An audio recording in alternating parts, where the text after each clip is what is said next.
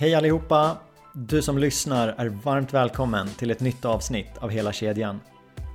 Mitt namn är Nima Asadi och varje vecka bjuder jag in nya gäster till samtal om samhällsbyggnad. Jag är väldigt glad över att du valt att lyssna på den här podden och jag vill passa på att säga tack. Det betyder väldigt mycket för mig att just du lyssnar.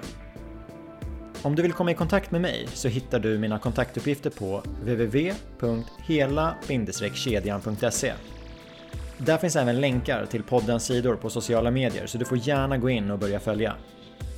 Nu kör vi igång med dagens avsnitt. Min nästa gäst har erfarenhet av både entreprenad och beställarsidan. Hon brinner för teknik och människor och att förena de båda. Något man kan göra om man arbetar med samhällsbyggnad.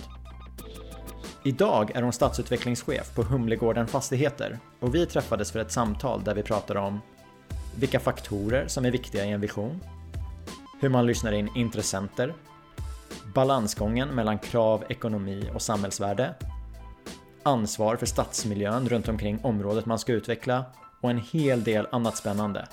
Nu är det dags att köra igång. Låt mig presentera Maria Lidström.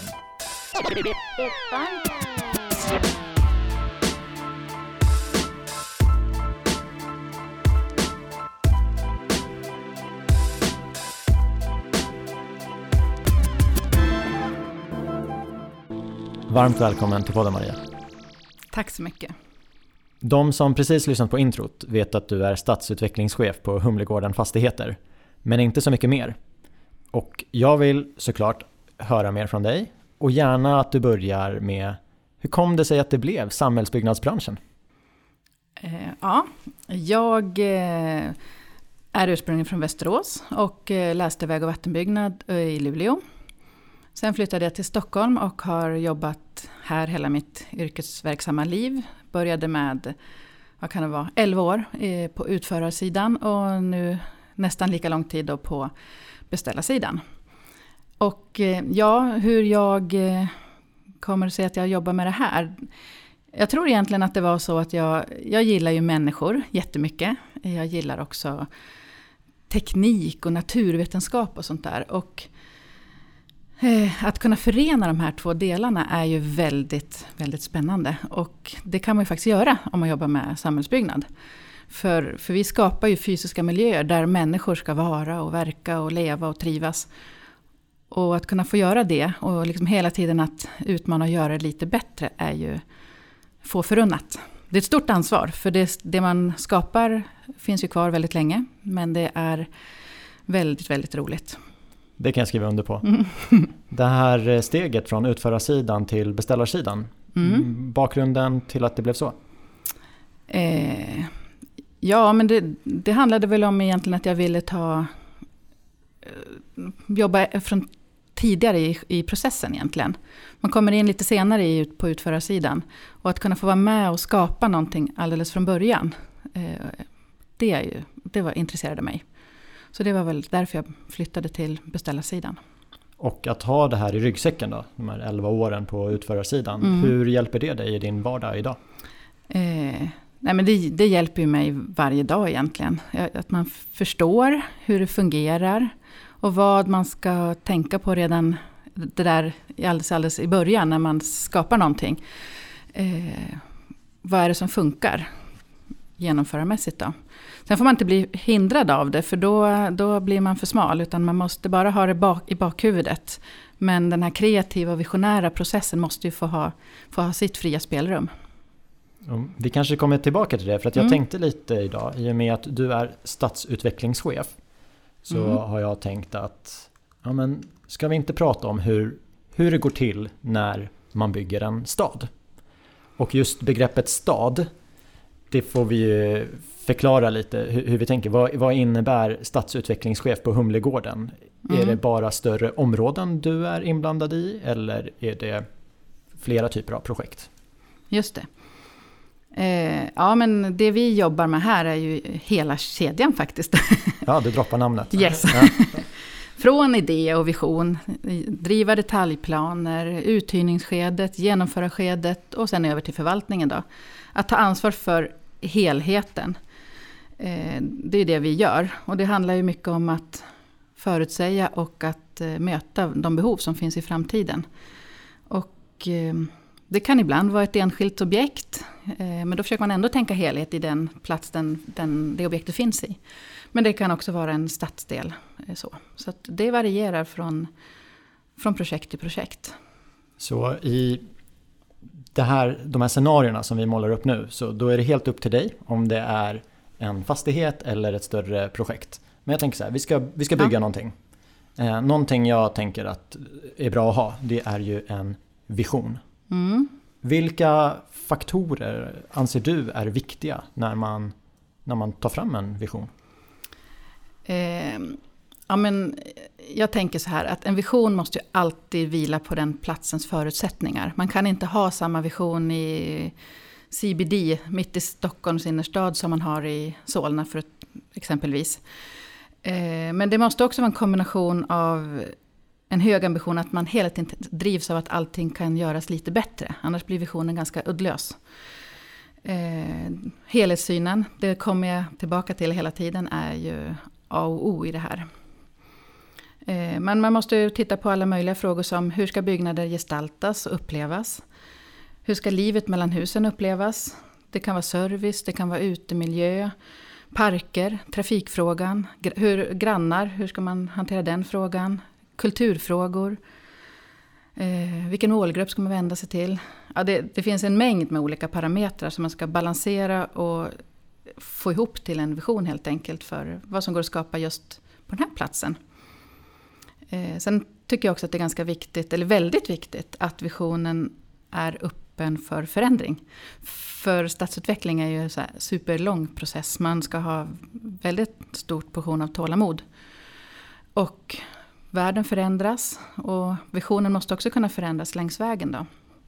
Låt oss börja med processen. Hur går den till? Det finns egentligen ingen exakt process. Varje projekt är ju på sitt sätt unikt. Däremot finns det en, massa, en mängd parametrar som alltid är med. Det handlar om marknadsanalyser, behovsanalyser hos kund, trendspaningar, vilka tekniska och ekonomiska förutsättningar som finns, bara för att nämna några. Eh, sen handlar det ju om kommunerna. Eh, vad vill de? Vad står i översiktsplanerna? Eh, att ha ett gott samarbete med dem är eh, jätteviktigt. Eh, men som jag sa tidigare så är ju att arbeta med stadsutveckling är en långsam process. Så det krävs uthållighet och det krävs att visionen som man tar fram håller över tid så att den inte... Man får inte bli för påverkad av det som är trendigt och inne just här och nu. Utan man måste tänka större och längre och arbeta med mycket flexibilitet. Så att det håller och man kan parera för framtiden. Du nämnde att ja, men alla projekt är unika och, och tider förändras också. Mm. Men jag tänker att om vi tar ett typprojekt, mm. det får ju du avgöra vad som klassas som det. Mm. Hur ser teamet ut? Vilka människor är med och tar fram den här visionen? Du har ju berättat om processen. Mm. Vilka mm. är det som är bakom den? Eh, ja, men jag, jag, kan ta ett exempel eh, från en, en, vision vi ganska nyligen har arbetat med. Eh, då har vi jobbat på det sättet att naturligtvis är det ju en grupp eh, internt på Humlegården.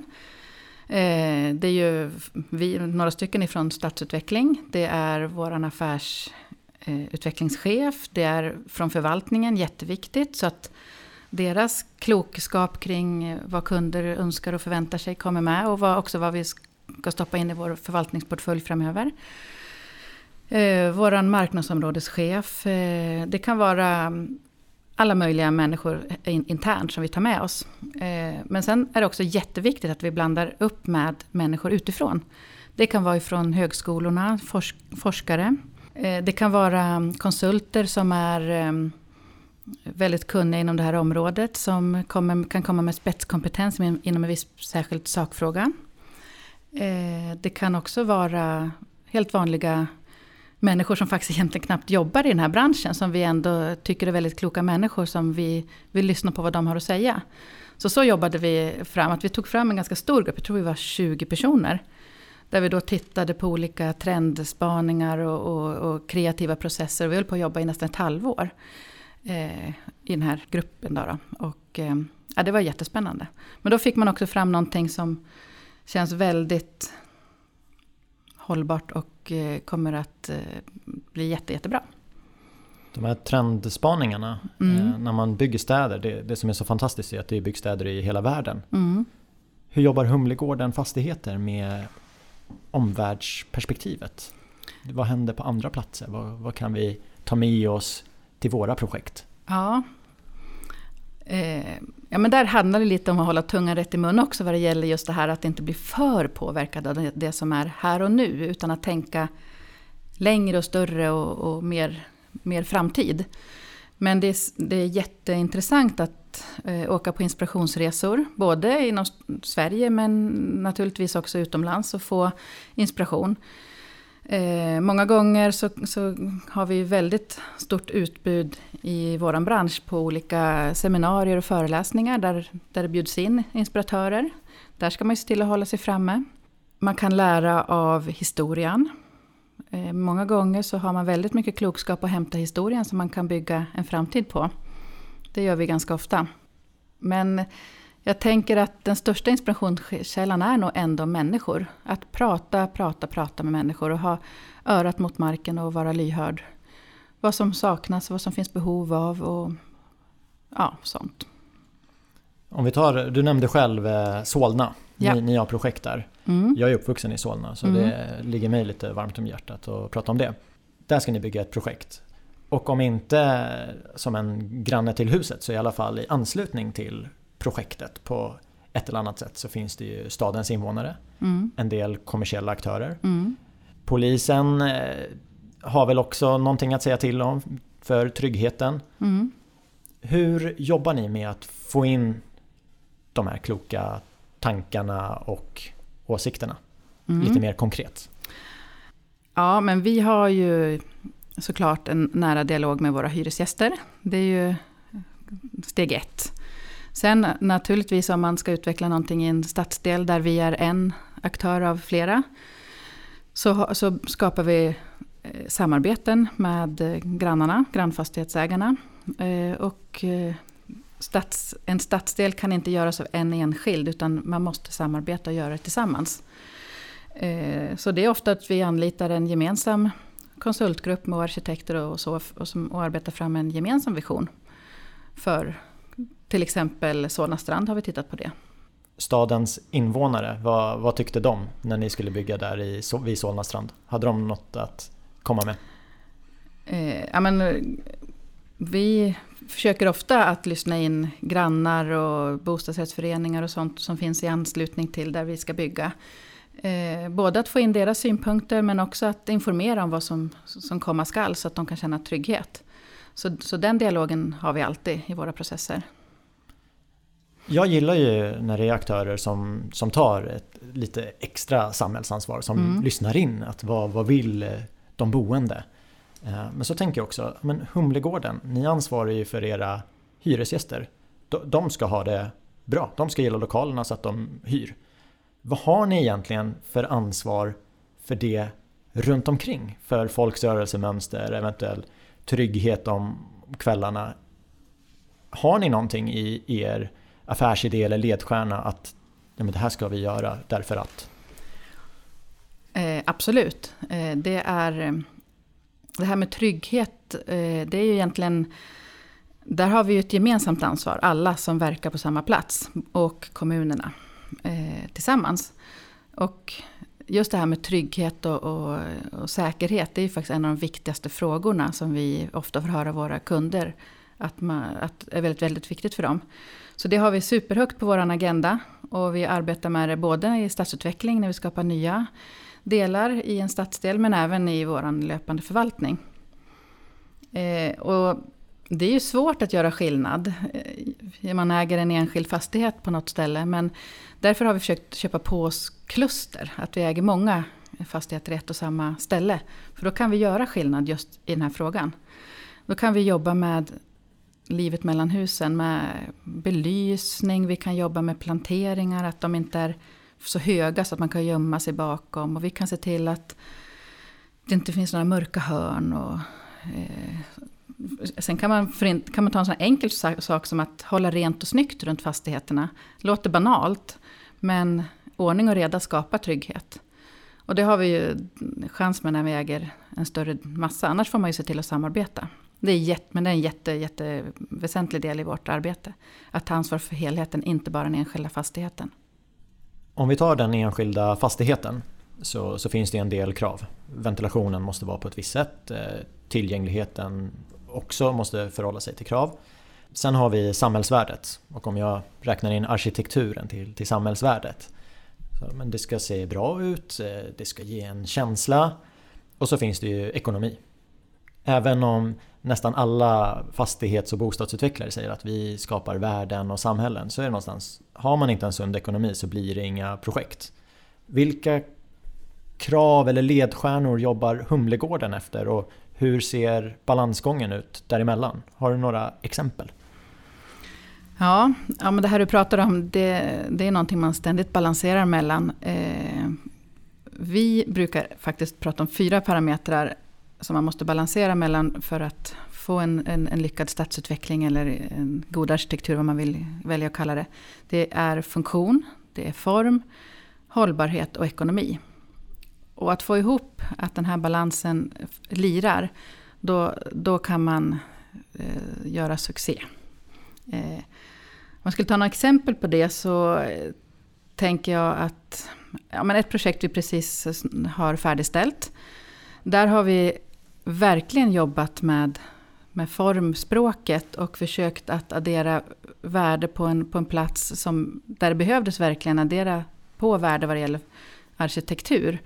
Eh, vi har jobbat med flexibilitet, total flexibilitet. Så, så funktionen i byggnaden är helt flex, oavsett om det den hyresgäst som flyttar in flyttar i framtiden så kan vi bara programmera om huset och vi behöver inte bygga om det.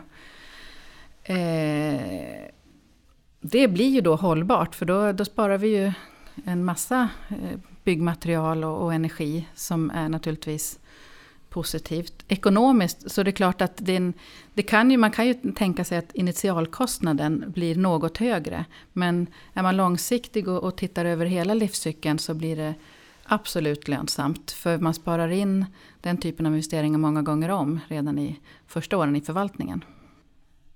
En sak jag är väldigt nyfiken på är om vi tar arkitektur som kanske historiskt har varit baserat på tyckande. Hur avgör man att ja, men det är det här vi vill göra och det tillför det här värdet? Mm. Egentligen är det ju så att de här parametrarna, form, funktion, hållbarhet och, och ekonomi, är god arkitektur för oss. Att hitta balansen mellan den, då blir det god arkitektur. Eh, men det är klart, precis som du säger så är det, så vad är god arkitektur? Det varierar ju över tid och det baseras på tyckande och det, det är estetiskt, estetiska värden.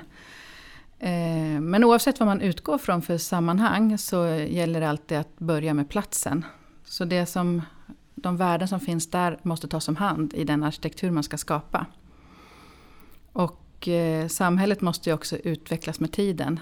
Vi kan inte titta tillbaka på det som var bra för 100 år sedan eller 50 år sedan. Utan nu gäller det att addera till en årsring som är baseras på det vi har idag. Då blir, den, då blir staden levande. Eh, det, det, är viktigt också att välja samarbetspartner så att den vision man har satt uppnås. Så att man har samma värderingar och tänkande tillsammans när man skapar produkten. Hur jobbar ni med samarbetspartners? Är de återkommande mellan projekt eller väljer man de mest optimala för varje nytt projekt? Eh, ja, det är klart att det finns många som vi gärna samarbetar med. Som vi, vi känner varandra och tycker och tänker lika kring värderingar. Men vi försöker hela tiden att... Det är också det här med trendspaning. Att spana, finns det några nya kreativa aktörer som vi vill samarbeta med? Så det också beror på projekt till projekt. Att man försöker hitta den bästa sammansättningen av eh, gäng som ska, som ska göra det här. Om vi tar ett projekt, hur brukar det vara? Bygger ni för att förvalta själva eller händer det att ni säljer av? Ja, vi är långsiktiga. Det är kanske vår absolut viktigaste del i vårt DNA. Det, det, är klart att vi följer marknaden och vi kan kan sälja i, ibland. Men om man säger att lejonparten så utvecklar vi kontor för, för eget, egen förvaltning. Det som är så, så spännande med det här med långsiktigheten det är ju att vi kan ju faktiskt tack vare det jobba med god kvalitet och, och högt arkitekturtänk. Och ligga i framkant med den teknik som byggs in. För vi kan investera lite mer per krona tack vare att vi, vi är långsiktiga. Och vi tittar på hela livscykeln i våran, våra kalkyler. Jag blir jätteintresserad av att höra mer när du nämner investera i ny teknik. Vad skulle det kunna vara? Ja, det kan ju som jag var tidigare sa till exempel vara tekniska system som underlättar en eh, framtida ombyggnation genom att vi kan bara programmera om. Men det kan också vara till exempel någonting som vi håller på med nu som är, heter Accessy som är en ny digital plattform. Där vi håller på att utveckla tillsammans med några av våra kollegor i branschen. Eh, en slags digitala nycklar. Så att man kan ge hyresgäster rättigheter och behörigheter till utrymmen i fastigheten. Då. Till exempel det kan vara ett extra konferensrum som man bara kan hyra extra då. Eller det kan vara cykelrum och sånt där man kan komma åt på ett enkelt sätt. Bort med den traditionella nyckelknippan. Precis. Du nämnde att ni, ni bygger för att förvalta. Visst, det kan hända att ni säljer av. Men eh, målet är att bygga för egen förvaltning. Hur många projekt har ni i produktion idag? Idag har vi tre projekt i produktion. Och är det det antalet ni planerar att ligga på framöver nu? Eh, egentligen handlar det inte om antalet utan mer om en, en volym man försöker hålla. Så det, det här är väl ungefär det som vi, vi taktar ungefär i den här takten med volym. Eh, det som kan vara intressant att höra också är entreprenadformer i de här tre projekten. Hur, hur jobbar ni? Ja, vi väljer genomförandeform efter projektet kan man säga. Vi kan jobba med totalentreprenader och vi kan jobba med delad entreprenad. Egentligen är det vi tycker, eller vi tycker om delad entreprenad därför att eh, vi är väldigt engagerade beställare. Och vi vill vara med och, och, och jobba med detaljerna. Just för att vi har väldigt högt kvalitetstänk och, och, vi vill också att det ska bli den produkt som vi vill förvalta i framtiden och, och det som passar in i hel, hela stadsbilden för oss. Eh, och då får man den möjligheten väldigt bra i, i, i, den entreprenadformen. Men många gånger passar det ännu bättre med totalentreprenad eller generalentreprenad. Då gör vi det också. Så att det är från projekt till projekt. Jag fick ju tips om att bjuda in dig till den här podden och eh, motiveringen var ju just att du har ja, men du har varit på båda sidor. Både på entreprenadsidan och på beställarsidan. Och att du är jäkligt duktig på det du gör. Det stod det faktiskt i beskrivningen. Och då gick jag in på Humlegårdens hemsida och snappade upp ett citat. Så jag tänker jag läser upp citatet och sen kan vi försöka bena ut vad det innebär i din vardag. Humlegården utvecklar de platser där vi är verksamma utifrån en helhetssyn med ambitionen att skapa både tillväxtmöjligheter och stadsmässiga kvaliteter. Det innebär att vi både tar oss an enskilda fastigheter men även kvarter och stadsdelar. Lika viktigt som själva byggnaderna är, också livet omkring husen. Ja, men det här sammanfattar egentligen det vi har pratat om och vad vi menar med stadsutveckling. Att skapa hållbara platser som är dynamiska och trygga. Men det ska vara bra kommunikationer. Det ska vara bra service som förenklar vardagen för våra kunder. Eh, det ska vara platser som främjar möten med människor och skapar nya idéer.